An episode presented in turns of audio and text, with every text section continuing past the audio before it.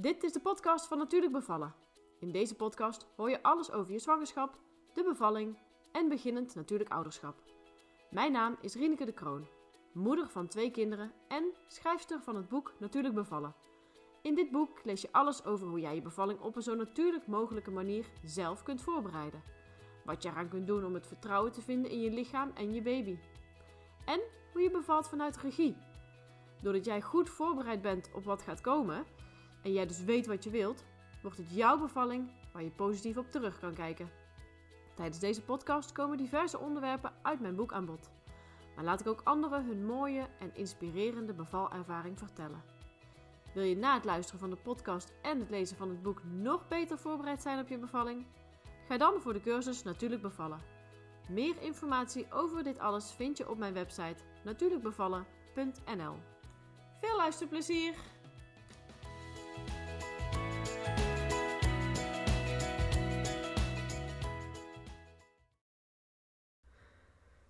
Leuk dat je weer luistert naar deze nieuwe podcast. En deze keer wil ik het graag gaan hebben over het geboorteplan. Uh, want heel vaak wordt het maken van een geboorteplan uh, gezien als een uh, onzinnige opdracht. Dat heb ik eigenlijk heel vaak gehoord. Want je kunt van tevoren nooit voorspellen hoe jouw bevalling gaat verlopen. En men is bang dat je teleurgesteld zal zijn als het je tegenvalt, als het tegenzit. Maar toch vind ik het eigenlijk heel erg zinvol om na te denken over jouw wensen tijdens de bevalling en dit ook te bespreken met je partner en met je verloskundige.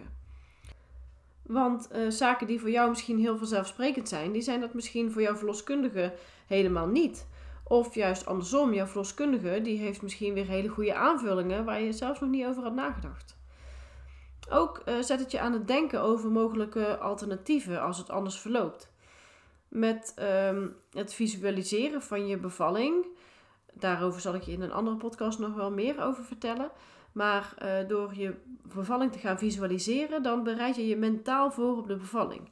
Maar in je geboorteplan, dan bespreek je meer de praktische zaken.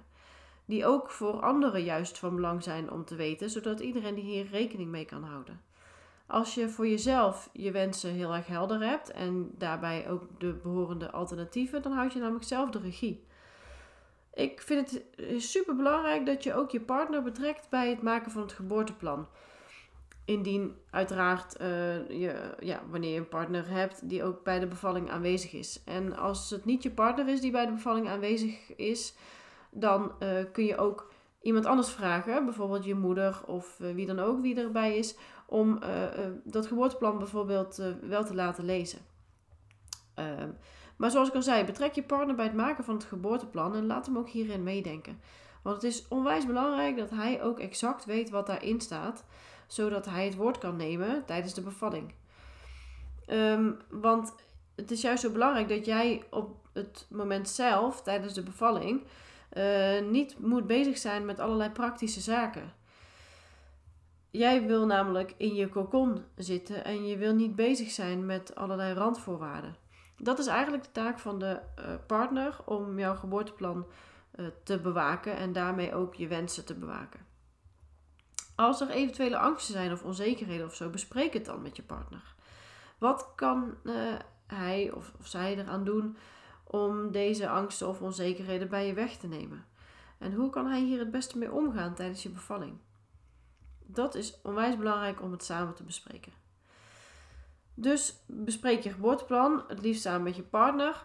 Um, maar bespreek het dus ook altijd heel erg uitvoerig met je verloskundige of gynaecoloog. Ga heel goed voorbereid dat gesprek in en weet ook waar je over spreekt. Weet ook waarom je bepaalde keuzes hebt gemaakt.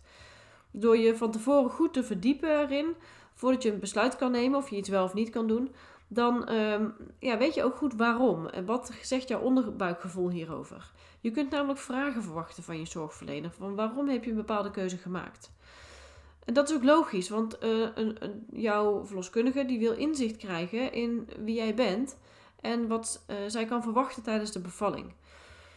Ze mag natuurlijk ook haar eigen visie geven en uh, het is aan jullie om daar, of aan jou, om daar een verantwoord besluit over te nemen.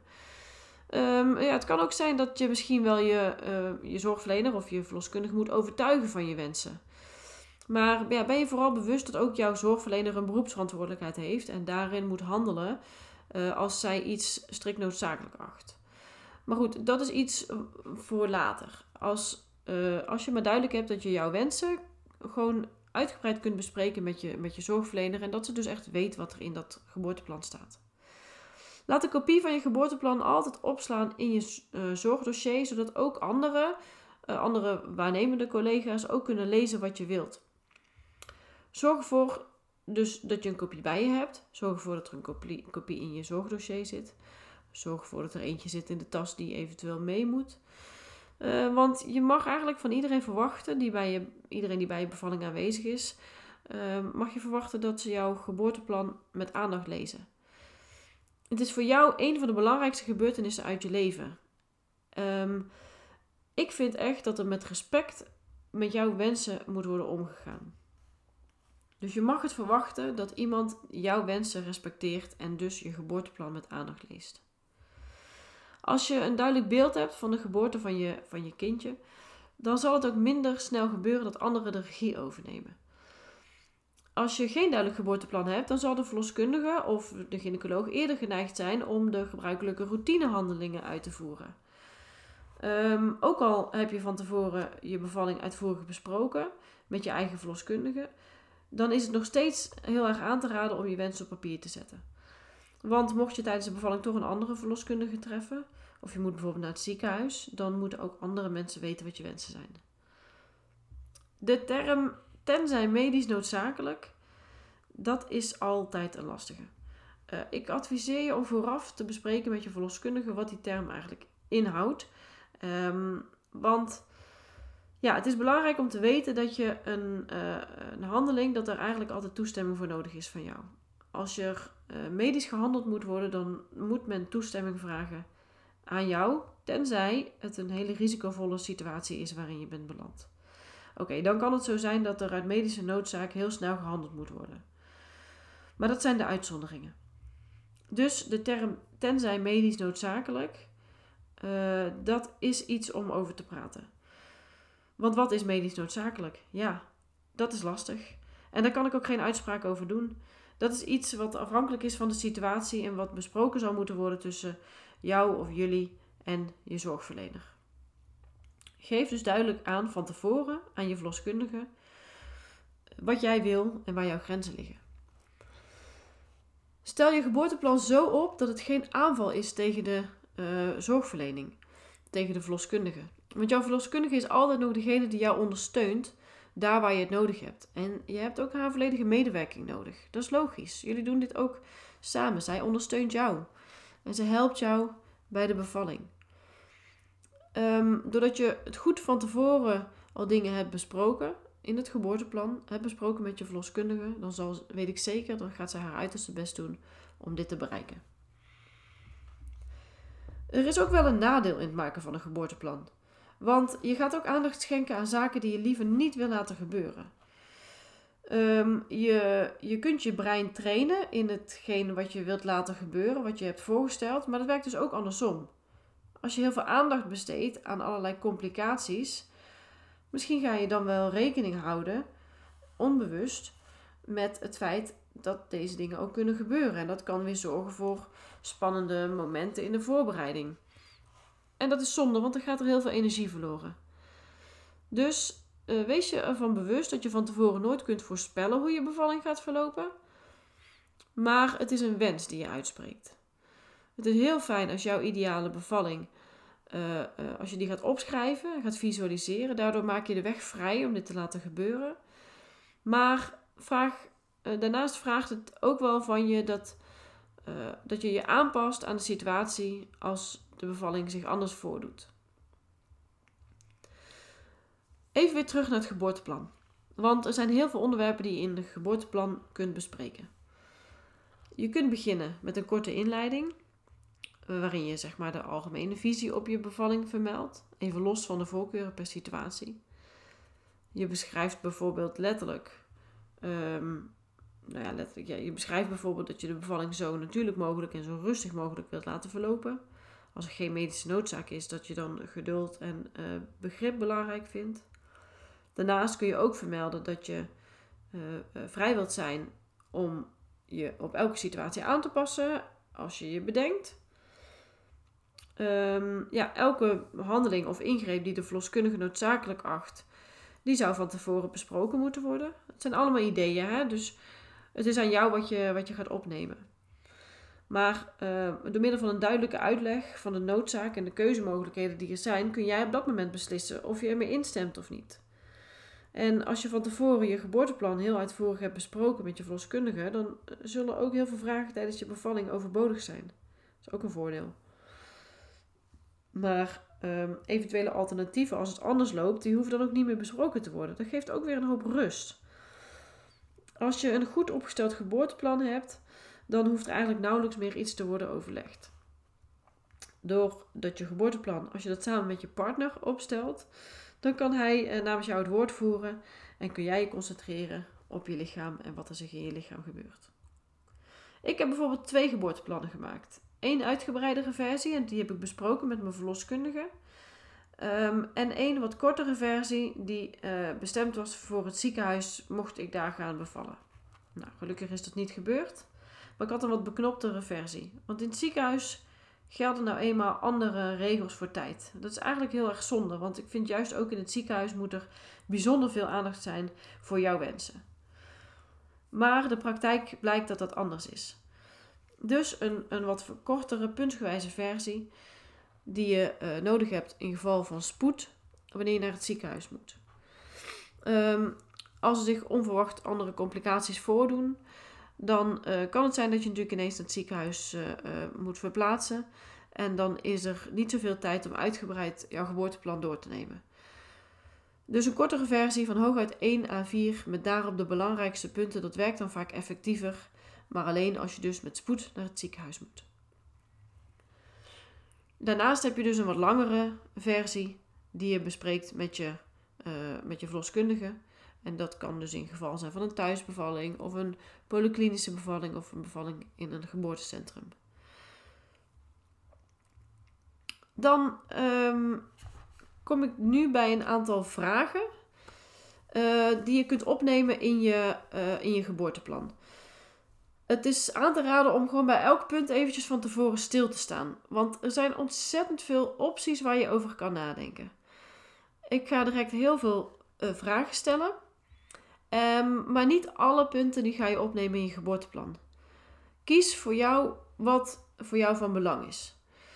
Uh, ik zou ze puntsgewijs noemen, want dan wordt het overzichtelijk en is het makkelijker te lezen.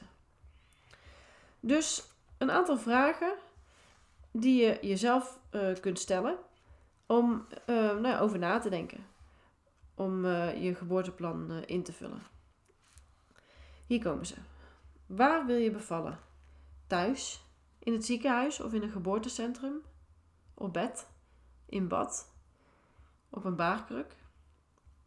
Of misschien heb je nog een andere optie. Wie mogen er bij de bevalling aanwezig zijn? Bijvoorbeeld je partner, kinderen, familieleden, je moeder, een doula, verloskundige, gynaecoloog, kraamverzorgende, iemand in opleiding, een stagiaire. Wat wil je hierin? Wat is de rol van de partner? Wat wil je dat hij doet? Bijvoorbeeld masseren, fysiek ondersteunen, de communicatie met de zorgverleners, de bewaking van het geboorteplan, Blijft je partner altijd bij jou? Of is hij degene die met de baby meegaat? Wat vind je van de ruimte? Um, bijvoorbeeld, wil je gedimd licht? Wil je warmte? Wil je muziek, geuren, kaarsen? Zachtjes praten? Wel of geen mobiele telefoons aanwezig? Wil je dat zorgpersoneel eerst klopt voordat ze binnenkomen? Hoe ga je om met jouw privacy? Met intimiteit met je partner. Maar ook bijvoorbeeld welke kleding wil je aan? Of juist niet. Um, hoe wil je dat er gesproken wordt? Bijvoorbeeld in termen van pijn of weeën? Of heb je het liever over oerkracht en golvingen? Dan, hoe vaak wil je dat er controles worden uitgevoerd? Op gezette tijden, op verzoek of op initiatief van de zorgverlener? Wanneer wil je dat er wordt ingegrepen? Eventueel kan het te maken hebben met de duur van de bevalling of is er een medische noodzaak.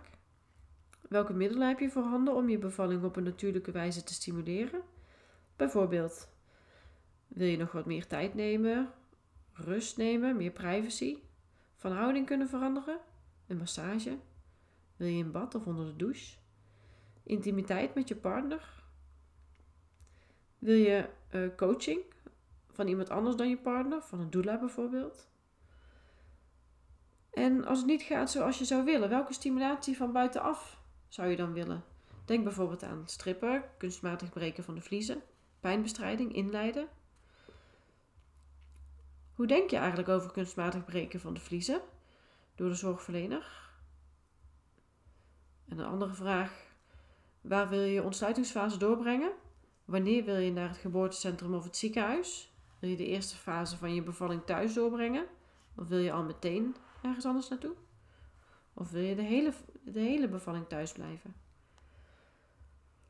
Dan nog wat vragen voor in het ziekenhuis. Wat wil je graag meenemen? Kleding, persoonlijke spullen, favoriete muziek, geuren? Is het bespreekbaar om bij een geringe ontsluiting naar huis te mogen? Wil je dat er gevraagd wordt naar de pijn? Je bepaalt zelf wat voor jou acceptabel is of wat niet. En uh, je bepaalt of er wordt ingegrepen. Zo ja, wat zou je dan willen en wat vooral niet? Hoe frequent mogen de controles worden uitgevoerd en wat is noodzakelijk? Hoe vaak mag er getoucheerd worden? Is er een controle door middel van een doptoon of CTG gewenst? Wat zou je graag willen eten in het ziekenhuis? Wat wil je graag zelf meebrengen? Wat is je voorkeur? Als eventuele hulp van buitenaf noodzakelijk is, denk aan bijvoorbeeld inknippen, vacuümpomp. Geef aan of je graag zoveel mogelijk bewegingsvrijheid wilt. Wil je rond kunnen lopen bijvoorbeeld? Want een infuus dat beperkt je vrijheid om te bewegen. Misschien kan het infuus wel later gezet worden. Of, uh, alleen, of, of in het begin alleen maar een waaknaald. Dat is een naald die blijft zitten in je arm zonder een lijn. Want de lijn die kan ook op een later tijdstip aangesloten worden. Dus deze waaknaald die zorgt ervoor dat je genoeg beweging kunt hebben. Dit zijn allemaal mogelijkheden die je uh, bespreekbaar kunt maken. Geef aan of je zelf je baringshouding uh, wilt kunnen kiezen tijdens de ontsluitingsfase. Want ook in het ziekenhuis kun je allerlei houdingen aannemen en kun je ook rechtop bevallen als je dat fijner vindt. Als je geplande keizersnede verwacht, bespreek dan ook alle opties uh, voor bijvoorbeeld de natuurlijke keizersnede. Dan over de geboorte zelf. Wil je dat er foto's gemaakt worden? Dat er filmopnames worden gemaakt bijvoorbeeld? Zo ja, door wie dan? Gaat je voorkeur uit naar een watergeboorte, dus in bad? Um, geef aan dat je graag zelf de houding wilt kunnen kiezen tijdens de bevalling. Op een baarkruk bijvoorbeeld, wil je daarop zitten, of op een baarbal. Knielend, hurkend, liggend op je zij of, of op je rug, of wil je staan. Vraag of je zoveel mogelijk ruimte kunt krijgen om jouw ademhalingstechnieken toe te passen. Om de uitdrijving van je baby zelf te regelen. Vind je het prettig dat jouw zorgverlener je actief aanmoedigt of wil je vooral met rust gelaten worden? Hoe vaak wil je dat er naar het hartje geluisterd wordt? Heel vaak? Of misschien alleen als het medisch echt noodzakelijk is? Vraag ook of je tijdens deze fase echt rust en, uh, en kalmte uh, kunt garanderen in de ruimte. Hoe denk je over toucheren? Hoe vaak wil je dat? Of ga je af op je eigen gevoel? Wil je zelf kunnen meekijken? Door middel van een spiegel bijvoorbeeld? En dan, wie pakt je kindje eigenlijk aan? Jezelf, je partner of de zorgverlener? Wil je dat je kindje direct op je buik komt te liggen? Huid op huid contact? Wil je dat je baby gelijk droog gedept wordt en schoongemaakt? Of is alleen een warme deken voldoende? Wil je dat je baby, hoe wil je dat je baby wordt toegedekt? En wie maakt het geslacht van jullie baby bekend? En dan na de geboorte. Hoe lang wil je dat de navelstreng eh, uitklopt? Wie knipt de navelstreng door? Of wil je bijvoorbeeld een hele of een halve lotusgeboorte? Hoe lang wil je dat je kindje huid-op-huid contact kan krijgen? Bespreek ehm, welke controles er op jouw buik mogelijk zijn. Wil je borstvoeding geven? Zo ja. Wil je dat je baby geholpen wordt met het vinden van de borst? Wil je direct na de geboorte al dat er een lactatiekundige of een kraamverzorger met je meekijkt? Hoe lang wil je je lichaam de tijd geven de placenta op een natuurlijke wijze te baren? Wees je bewust van de natuurlijke manier om de placenta uit te drijven. Bijvoorbeeld door massage van de baarmoeder, borstvoeding, stimulatie van de tepels. Of wil je hulp van buitenaf om de placenta uit te drijven? Wil je wel of geen oxytocine toegediend krijgen? Wat gebeurt er eigenlijk met de placenta? Wil je dat je baby vitamine K krijgt toegediend? Hoe lang wil je je baby bij je houden of op je huid laten liggen? Wanneer wordt de baby aangekleed en door wie? Overleg of je baby te alle tijden bij je mag blijven. En als je baby dan toch bij je vandaan moet, vraag dan of je partner met je baby mee mag. Nou, dit waren echt wel heel veel vragen. Lang niet al je vragen, lang niet al deze vragen, uh, ga je behandelen in je geboorteplan. Misschien maar een aantal. Maar ik stel heel veel vragen. En dat is puur om jezelf te laten nadenken over jouw wensen. Wat vind je wel belangrijk en wat vind je niet belangrijk? Het is aan jou om dat uit te filteren en om uh, daar een gedegen geboorteplan van te maken wat je kan bespreken met je zorgverlener. Zodat zij en ook je partner jouw wensen kunnen bewaken.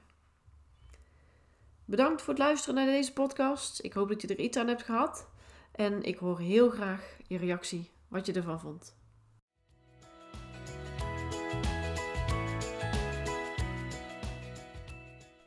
Dit was de podcast voor deze keer. Wil je meer weten over Natuurlijk Bevallen? Je kunt me volgen op Instagram, Facebook of de website natuurlijkbevallen.nl, waar je ook heel eenvoudig het boek kan bestellen. Ik zou het leuk vinden als je je abonneert op mijn podcast en een review wilt achterlaten. Dat helpt om beter vindbaar te zijn, zodat nog meer vrouwen zich kunnen laten inspireren voor hun bevalling. Tot de volgende keer!